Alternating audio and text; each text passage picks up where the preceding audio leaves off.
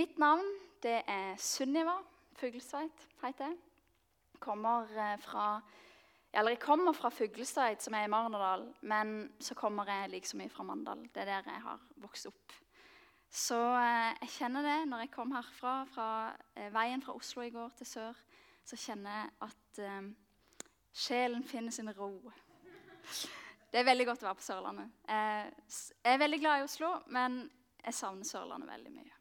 Mm, det, det, er ikke det samme å se over Oslofjorden, der man ikke liksom ser, kan se Der over er Danmark. Um, jeg kan si noen helt korte ting om meg sjøl før jeg ruller i gang. Jeg, jeg, ja, nå har jeg jo sagt at jeg kommer fra Mandal. Jeg er 27 år gammel. Og så har jeg, jeg gikk, ja, jeg gikk eh, to år på Bilde bibelskole etter videregående. Og så flytta jeg til Oslo, der jeg har studert eh, fram til i fjor sommer. Jeg gikk i klasse med Tommy.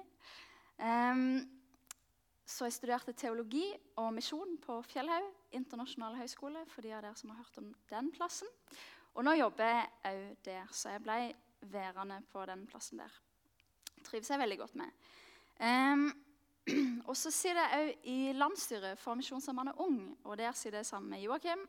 Så han spurte meg for uh, Jeg tror egentlig det først var for sikkert ett år siden. Så sa jeg det passet ikke.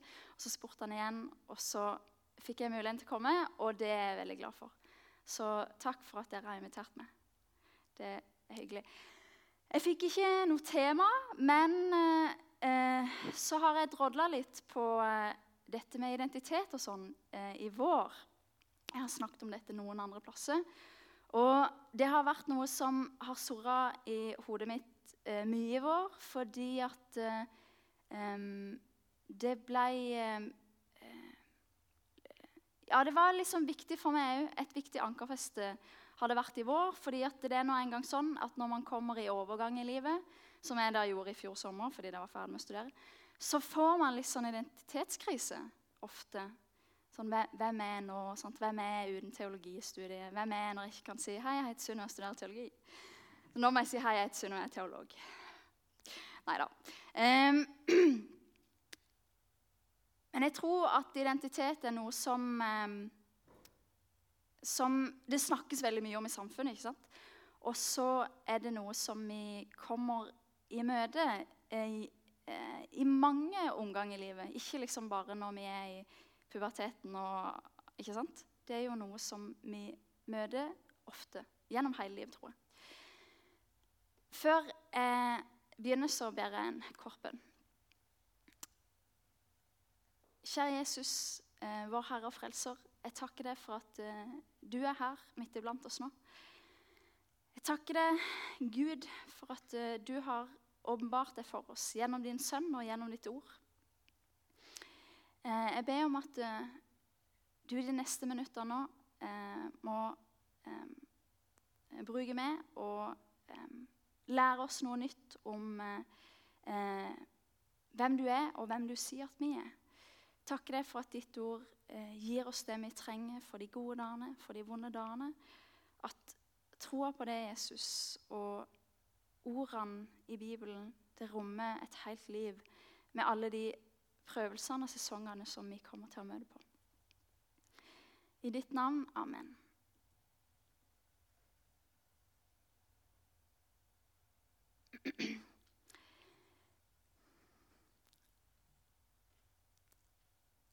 Er kristendommen frihet, eller er det en tvangstrøye?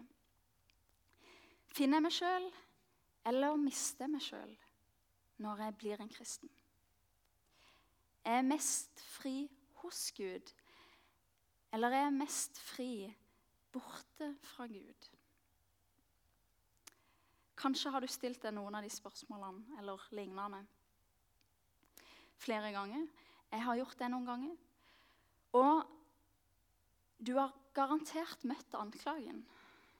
Kristendommen den anklages for å være en sånn tvangstrøye. For å være et slags sånn eh, jerngitter eller fengsel som ikke lar mennesket utfolde seg fritt. Og Det moderne mantraet i det samfunnet vi lever i i dag sånn Vi lever her i Norge i en vestlig kultur, det er jeg vil leve for meg sjøl, sånn som jeg vil. I begynnelsen av Bibelen så møter vi Eva og Adam, de første menneskene. Vi får lese om at de levde i harmoni med Gud i Edens hage. Men så vendte de seg vekk ifra han. Det kaller vi gjerne syndefallet. Men har du tenkt på at før syndefallet så var jo antageligvis ikke identitet et problem? Adam og Eva de var sånn sett ikke lost og hadde derfor ikke det behovet for å finne seg sjøl. De hadde en sunn selvfølelse fordi de kjente Gud, og de satt han over alle ting. Og over seg sjøl. Og det gjorde de trygge. Trygge i å vite at de var Guds barn, og trygge overfor hverandre ettersom, ettersom livet ikke handla om å på en måte overgå hverandre i prestasjoner, men i å gi ære til Gud og hjelpe hverandre. Identiteten den var forankra i å kjenne Gud og være kjent av Han. Men dette her, det endra seg. For de og for alle mennesker etter de, når de løsrev seg fra Gud i sitt forsøk på å være sånn som Han. Identiteten ble i stedet for forankra i en form for um, selvopphøyelse, kan man kanskje kalle det. Og det å søke den ble drevet fram av egoistiske ambisjoner.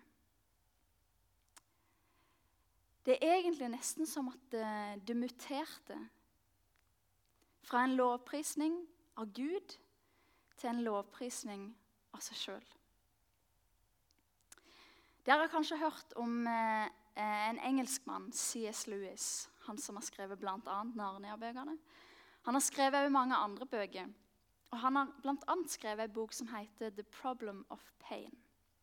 Og Der skriver han dette.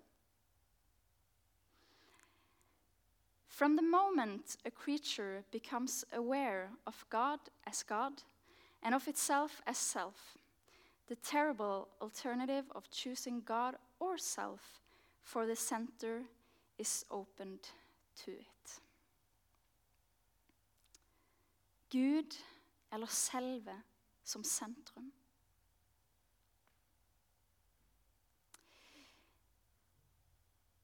I Bibelen så møter vi eh, ideen om når noen andre skal bestemme over oss. Vi kan f.eks. lese sånne vers som Galaterne 2,20. Der står det Jeg er korsfestet med Kristus. Jeg lever ikke lenger selv, men Kristus lever i meg. Det livet jeg nå lever som menneske av kjøtt og blod, det lever jeg i troen på Guds sønn, som elsket meg og ga seg selv for meg. Og i Johannes 10,3.: Portvokteren åpner for ham. Sauene hører stemmen hans. Han kaller sine egne sauer ved navn og fører dem ut. Jeg lever ikke lenger sjøl, men Kristus lever i meg. Jeg er som en sau som eies av noen. Som eies av en hyrde som kaller meg sin, og som ikke lar meg sjøl gi meg et navn, men som gir meg et navn. Kulturen som vi lever i i dag, den eh, rygger for den ideen. Forkaster den ideen. Ideen om at noen andre skal navngi deg, fortelle deg hvem du er, definere det.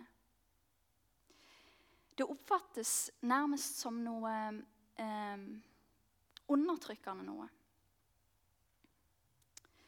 Hvorfor er det sånn? I tradisjonelle kulturer. Det er sånne kulturer som vi i dag gjerne finner igjen i østlig del av verden. Eller som vi egentlig òg finner igjen i, her, hvis vi går ganske mange år tilbake igjen. Så ble man gitt en identitet. I sånne kulturer så fikk man en følelse av hvem du er, hvilken rolle du skulle fylle, Det ga jo en følelse av betydningsfullhet. Og dette her er fordi disse kulturene, tradisjonelle kulturer, de er fellesskapsorienterte i stedet for individualistiske. I tradisjonelle kulturer så var det sånn at man var en del Eller er det sånn? Sant? Det er jo mange plasser det fortsatt er sånn. At man er en del av en familie, det er liksom egentlig den minste bestandheten. Istedenfor bare du. Så du er en del av en familie. Og i familien eller i fellesskapet så er det roller som må fylles. Betydningsfulle roller. Og det eh, heroiske eller eh, mm, dydfulle eller kule å gjøre, det er å tilpasse sine egne interesser til det beste for familien eller for fellesskapet. Men jeg tror dere henger med meg på tanken, og jeg kjenner dere litt igjen hvis jeg sier at vår kultur den er ikke bare annerledes, men den er nesten stikk motsatt. I dag så blir vi fortalt at vi må søke eller du da, du må søke inn i deg sjøl for å finne ut av hvem du er. Ingen andre skal få definere deg. Ingen andre skal si noe om hvem du er. Og Det ytterpunktet, som noen ganger òg oppfattes som noe positivt, det er nesten som at du heller ikke skal tenke på hva familien din eller fellesskapet ditt mener. Du må jo må ikke la deg binde av sånne ting. Men så blir spørsmålet tenker jeg vi må stille, er det, er det noen av oss som lever sånn?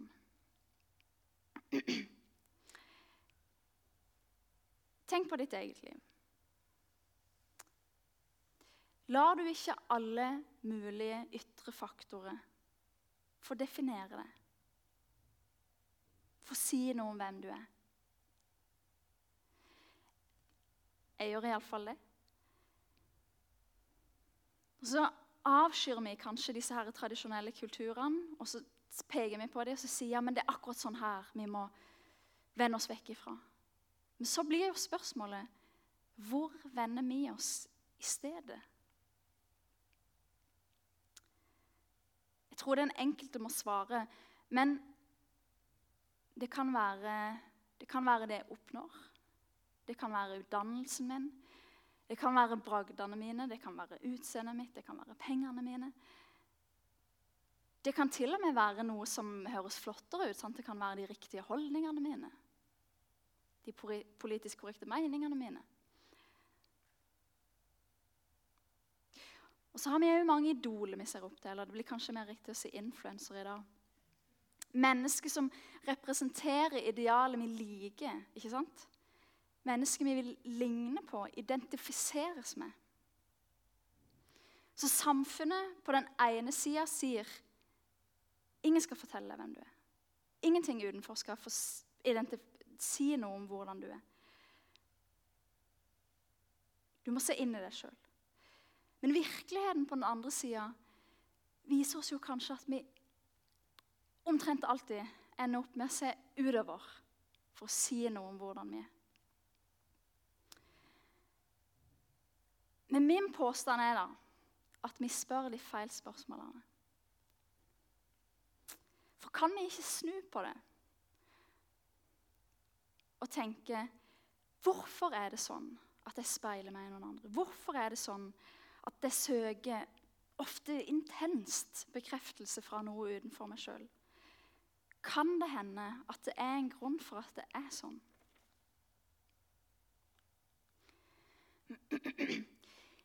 I Bibelen så møter vi ideen om at eh, eh, sant, Dere har kanskje hørt 'du blir hva du spiser'. Men i Bibelen møter vi tanken om at du blir som det du tilber. Eller lovpriser. Vi, kan, eh, vi ser bl.a. dette i Salme 115. Der snakker salmisten om avgudsdyrkelse og disse gudebildene som var lagd av menneskehender. ikke sant? Og Han sier noe om at de har munn, men de kan ikke tale. De har nese, men kan ikke lukte. De har ører, men kan ikke høre. De har føtter, men kan ikke gå. Og så står det da i 115 vers eh, 8 Slik blir også de som lager dem, og alle som setter sin lit til dem. Som menneske så tror jeg Dette tror jeg du kjenner deg igjen i, håper jeg iallfall. Så trekkes vi mot objekter, idealer, ting, mennesker, tankeholdninger, som vi drømmer om og lengter etter. Og så søker vi de tingene, og så får de, om vi vil det eller ikke, forme oss litt. Og det er på en måte dette som er kjernedynamikken i avgudsdyrkelse. Med det mener jeg det er sånn avgudsdyrkelse ser ut. Men det forbausende er at det er òg sånn lovprisning ser ut. Gudsdyrkelse. Tilbedelse ser sånn ut. Fordi hvis vi ser på Eva og Adam den Fortellingen begynner ikke med, med, det gale eller det som gikk galt, men den begynte jo med det de var skapt for. Vi er skapt, du er skapt, til å reflektere Gud, til å ligne Gud. Og Måten du blir lik ham på, det er jo med å bruke tid med ham, med å eh, tilbe ham, dyrke ham, men avgudsdyrkelsen har forvrengt det og snudd det opp ned. Men poenget, som er viktig at dere husker, er at det er fortsatt veldig naturlig for oss å tilbe noen. Noe eller noen. Det er veldig menneskelig. Tilbedelse er et spørsmål om identitet, tror jeg. Om det er mennesket vi tilber, eller om det er penger, eller om det er makt eller status eller idealet. Vi tilber noe, og det er identitetsdannende. Du blir hva du elsker. Så jeg tenker at spørsmål, Spørsmålet om identitet handler egentlig ikke om som samfunnet sier, at vi må liksom forkaste hele ideen om at vi blir påvirka av noe utenfor oss sjøl. Vi må heller akseptere at vi blir det. Og så må vi spørre ja, men hva skal få forme meg? Hva vil jeg skal forme mitt liv. Den er jeg.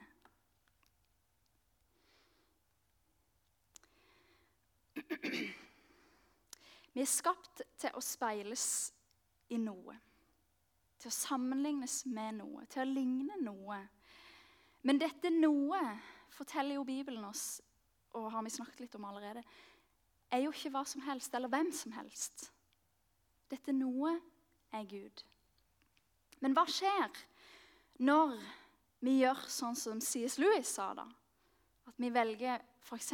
oss sjøl som sentrum av livet, ikke Gud.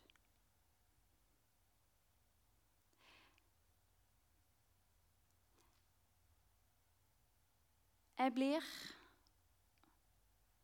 og jeg tror alle mennesker blir, stolt, egoistisk. Jeg setter alle ressursene mine inn på å hevde meg sjøl, på å vise meg ærefull i andres øyne, i deres øyne.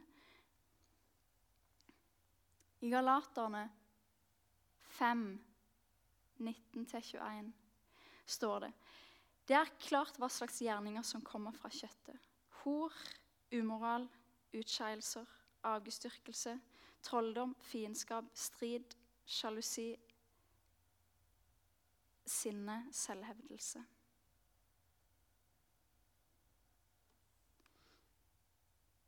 Jeg har sagt det før, og jeg sier det igjen.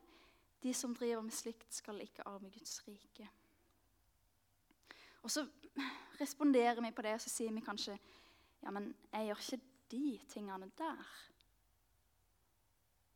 Men jeg tror at hvis målet er attraktivt nok, så tror jeg vi er veldig tilbøyelige til å gjøre det. Men det gjør oss ikke bare eh, stolte og egoistiske. Det gjør oss faktisk òg veldig sårbare, tror jeg. For vi ser rundt oss, du ser rundt deg. Og så ser vi de som er bedre enn oss. Flinkere enn oss, rikere enn oss, penere enn oss, smartere enn oss. de som er mer elskverdige. Tilber vi skjønnhet, så er alt vi ser, omtrent de som er skjønnere enn oss. Tilber vi penger, så er alt vi ser, de som har mer penger enn oss. Tilber vi makt, så er kanskje alt vi ser, de som har mer makt enn oss, eller som ønsker å ta fra oss den makta vi har. Skape og skape, forme og forme. Fikse og pynte. Jobbe og jobbe. Tjene og tjene. Men du blir aldri nok. Jeg blir aldri nok. Og når den jeg er, aldri er nok, eller det jeg har, aldri er nok,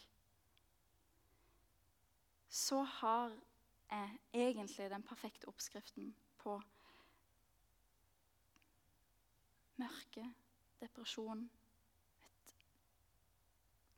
et forvrengt selvbilde. Avgudsdyrkelse er å plassere noe på trona som ikke hører hjemme der. Det å tilbe det skapte framfor skaperen. Og siden du er skapt til å ligne på Gud, men han ikke får forme det, så blir det i stedet likt, eller lik med, det skapte som du tilber. Og Det er egentlig sånn i en sånn stor kategori dette Bibelen kaller for synd. Og Bibelen kaller det òg for um, et slaveri. Som at vi er bundet av noe. Jeg sa i stad at uh, vi velger det sant? hvis vi velger oss sjøl som sentrum av vårt liv. Men det er ikke noe vi bare velger sånn at vi kunne valgt det vekk av egen styrke. Nei, det, vi er født sånn. Bibelen forteller oss noe om det, at vi er født inn i det.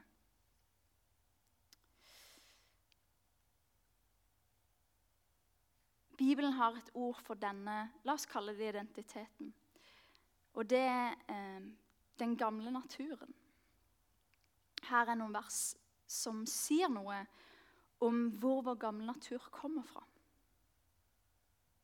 Og Disse versene forteller oss at det er noe vi har fått med fødselen. Med den naturlige fødselen. Og beviset for at dette har gått i arv, det er døden. Bibelen forteller oss at synd høster død. Det som skjer, er at vi, vi vender oss vekk ifra Gud ifra Han som er livets kilde, til ting som egentlig er døde, til forgjengelige ting. Og siden de, enda så mye vi tror det, aldri kan gi oss det vi egentlig trenger, så blir vi Og dette er påstander, ikke sant? Jeg sa er det frihet eller tvangstrøye i begynnelsen. Påstanden er vi blir mindre lik oss sjøl. Mindre menneske. Nå skal jeg bruke et banalt bilde. Derfor ta det for det det En fisk er fri når den eh, er skapt til å være og gjør Altså er den det er skapt til å være, og gjør det han er skapt til å gjøre. Sånn, det, er ing, det, er ingen som sier du må ta fisken ut av vannet. Det elementet binder han jo. Det er ingen som sier det. Eh, den er fri når den er i vannet. Svømmer rundt, spiser alger, småfisk. Gyter når han skal det. Og et menneske er fri når det gjør det det er skapt til å gjøre, og er det det er skapt til å være. Men synda og djevelen ønsker å forføre oss. Så vi gjør noe vi ikke er skapt til å gjøre. Og blir noe vi ikke er skapt til å være.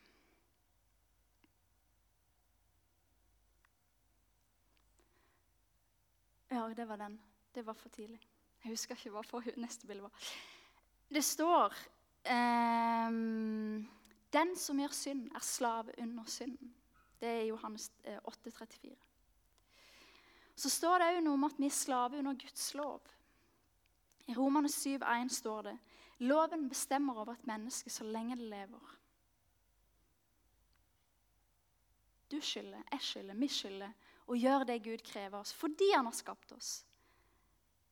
Men som syndere så er vi ikke i stand til det. Og Derfor vil loven hele tida binde oss. Først i samvittigheten vår, og så på dommens dag.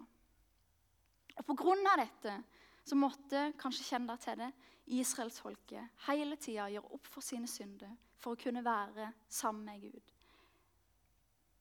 Hvert år måtte de det. Men selv om de gjorde det,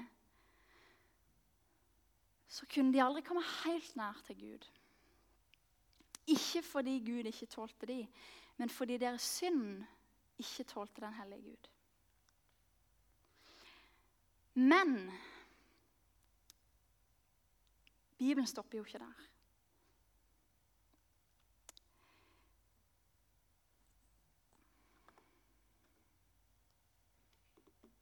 Og dette er jo det viktigste. Bibelen den forteller oss noe om en ny identitet, en ny natur, et nytt liv.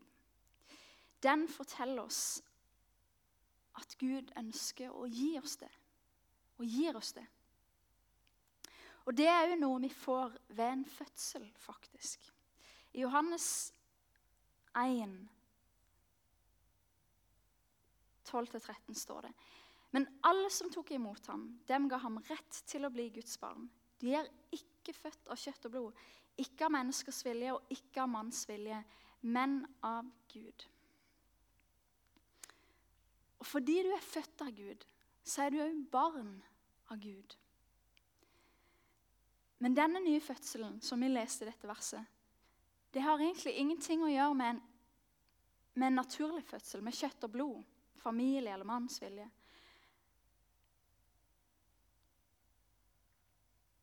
Nei, vi blir født på ny av Gud, som er vår skaper, som er vår designer. Og fordi han er det, så blir vi Heng med på setninga så blir vi født på nytt til et liv som er i samsvar med det vi fra begynnelsen av var skapt til å være.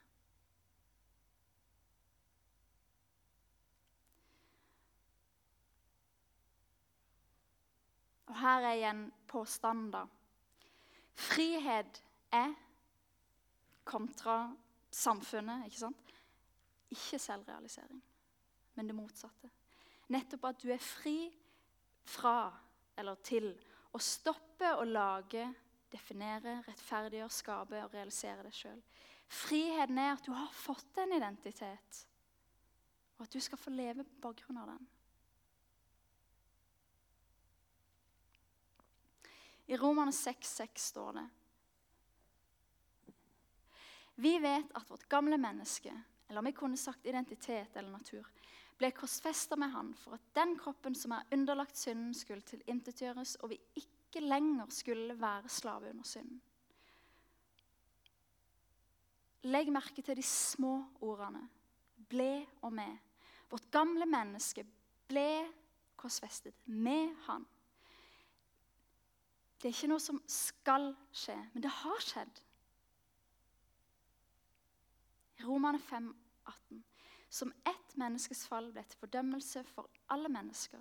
Slik fører ett menneskets rettferdige gjerninger til frifinnelse og liv for alle. Sånn som den første Adams ulydighet har ført oss mennesker inn i slaveriet. Fordømmelse for oss alle. Sånn har den siste Adam Jesus Kristus sitt liv, sin død, ført til frifinnelse for alle. Og poenget er Det er ikke bygd på hva du har gjort. Ikke bygd på din prestasjon eller oppnåelse eller gjerninger. Det er noe du blir gitt, og den eneste måten du kan få det på, det er ved å få det.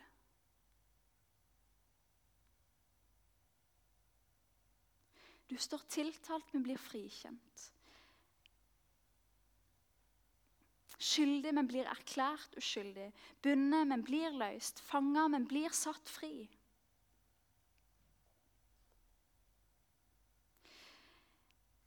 Men når Gud løsner repene fra det, fra meg, fra oss Sånn som Kanskje kjenner fortellingen.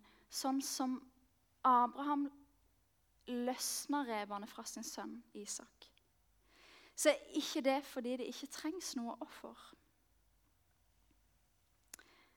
For når han løser det oss, så binder han noen andre.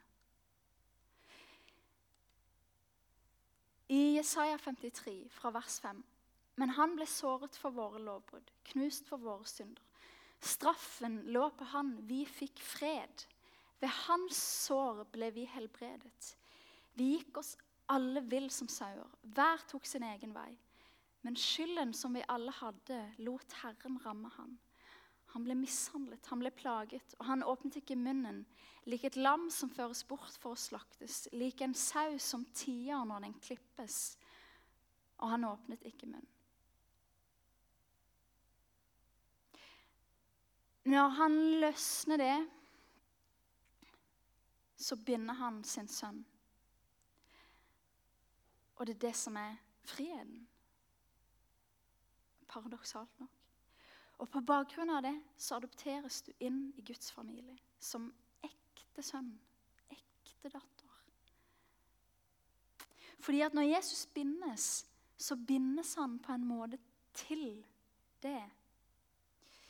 Ikke sånn at både du og Jesus tar straffen, for den tar Jesus alene på seg. Men sånn at offeret hans sant, den straffen, Det er et offer i den straffen. Tilregnes det. Så du får gå fri. Sånn at når Gud ser på det, både i dag og på dommens dag, så ser han Jesus i det.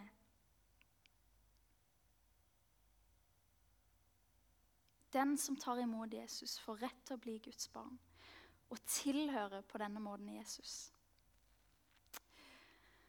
Og fordi du tilhører Jesus, så får du et helt sett med nye identitetsmarkører, kan vi kalle det. Jeg kommer ikke til å lese versene, men jeg leser punktene, og så ser dere versene. For det første så er du ikke lenger slave under synden. Og du er heller ikke slave under Guds lov. Og du trenger heller ikke å være slave for noe menneske. Menneskeheten, samfunnet, kulturens ideal eller meninger. Defineringer, male, hvordan det burde være.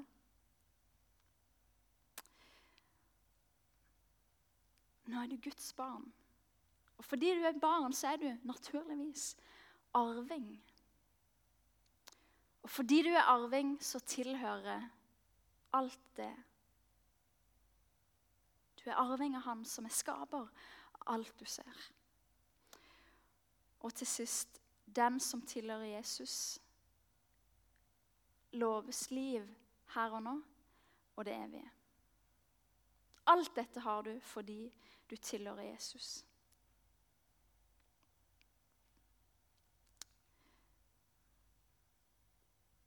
Siste setningene. Men hvordan? Hvordan kan jeg stole? Hvordan kan du stole på at dette er sant? På at det virkelig er frihet, og på at Jesus virkelig elsker deg på den måten. Det tror jeg vi kan fordi Jesus har bevist det for oss med friheten han oppga for vår skyld. Oi, jeg håper dere fikk ikke se det, men dere hørte det. Jeg beklager. I Filippane 2, 6-8 står det om Jesus. Han var i Guds skikkelse, men så det ikke som et rov å være Gud lik, men ga avkall på sitt eget. Tok på seg tjenerskikkelse og ble menneskelik. Da han sto fram som menneske, fornedret han seg selv og ble lydig til døden, ja, døden på korset. Jesus var i Guds skikkelse. Hos Gud. I det herlige. Men med å bli menneske så gjorde han seg til en som var ingenting i menneskets øyne. Han ble født inn i en, stall. Vitnene var helt ubetydelige folk som var utstøtt av samfunnet. Han ble født i en fattig familie som hadde fått et dårlig rykte. Han holdt seg til syndere og tollere. Han var ingen høy status og rang. Han hadde heller ikke et utseende som var noe å se til, står det i Jesaja. Han ble hånt, han ble spytta på. Og til, slitt, til, sist, til sist så ble han òg korsfesta, som var den verst tenkelige og ydmykende måten å dø på. Og han gjorde det for å sette oss fri. I vårt, i ditt og mitt, fangenskap så søker vi ikke å ære Gud men vi søker å ære oss sjøl. Og det gjør oss ødelagte og fremmede for hvem vi egentlig er. Men Jesus, som er den som egentlig tilhører den æren, han lot seg vanære. Han ga avkall på sitt eget. Og han gjorde det for å sette deg fri. Fra alt det som holder deg vekke fra et fellesskap med han. Fri til å leve det livet som du i utgangspunktet var skapt til å leve. Vi ber en bønn til slutt.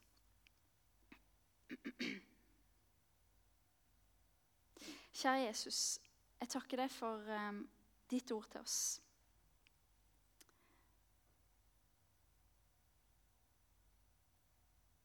Jeg ber om at uh, du lærer oss å stole på at vi er